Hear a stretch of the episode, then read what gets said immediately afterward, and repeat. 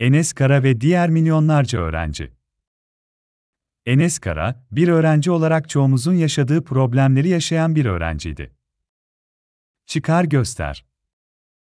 Olmamızın ana sebeplerinden bir tanesi, eğlenceli bir anlatım tavrı geliştirmekti. Bugün burada bir istisnanın içerisindeyiz. Arkadaşlarına göre son zamanda içine kapanık davranıyordu. Biz genç, doomer'ların aşina olmadığı bir görüntü değil. Bu ülkede gençler 18-25 yaş arası yaşantıları esnasında, eğer aile bazında maddi bir güce sahip değiller ise öğrenim hayatları boyunca masraflarını karşılamak, deneyimlemek için tek başınalar. Peki bir öğrenci için maddi darlık ne demek? Arkadaşları bir şekilde, ucu ucuna bile olsa eğlenmeye, gezmeye ve bir şekilde hayattan keyif almaya zaman ayıran fakir öğrencinin dünyasına beraber girelim. Öğrenciler ne yapıyor?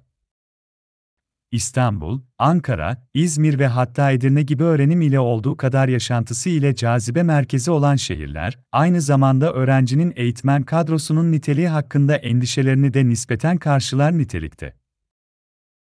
Bir üniversite öğrencisi için öğrenim önemli olduğu kadar yapılacak işin maddi olarak ihya edici olması da ciddi bir nitelik. Gel gelelim bu süreç, farklı şehirlerden gelen öğrenciler için hiç de kolay değil.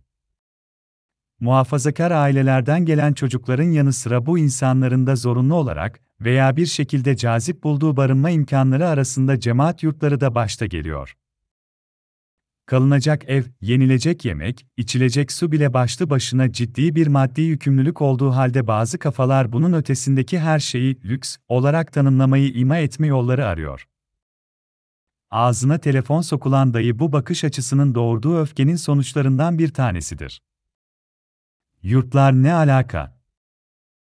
Bu yurtlar muhtelif dini tarikatların hayır, hasenat kisvesi altında açmış bulunduğu fakat alttan alta psikolojik, sosyolojik yeniden şekillendirme faaliyetleri yürüttüğü söylentisi bulunan kurumlar, fakat bunun yanı sıra oldukça ucuz barınma hizmeti sağlayan kurumlar bunlar.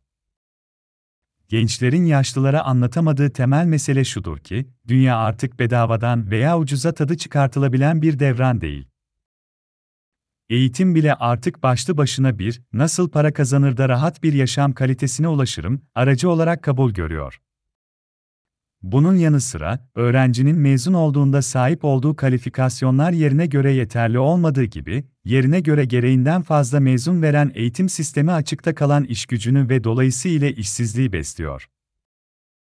Hiçbir genç endüstri mühendisliği okuyup dönerci olmak zorunda değil.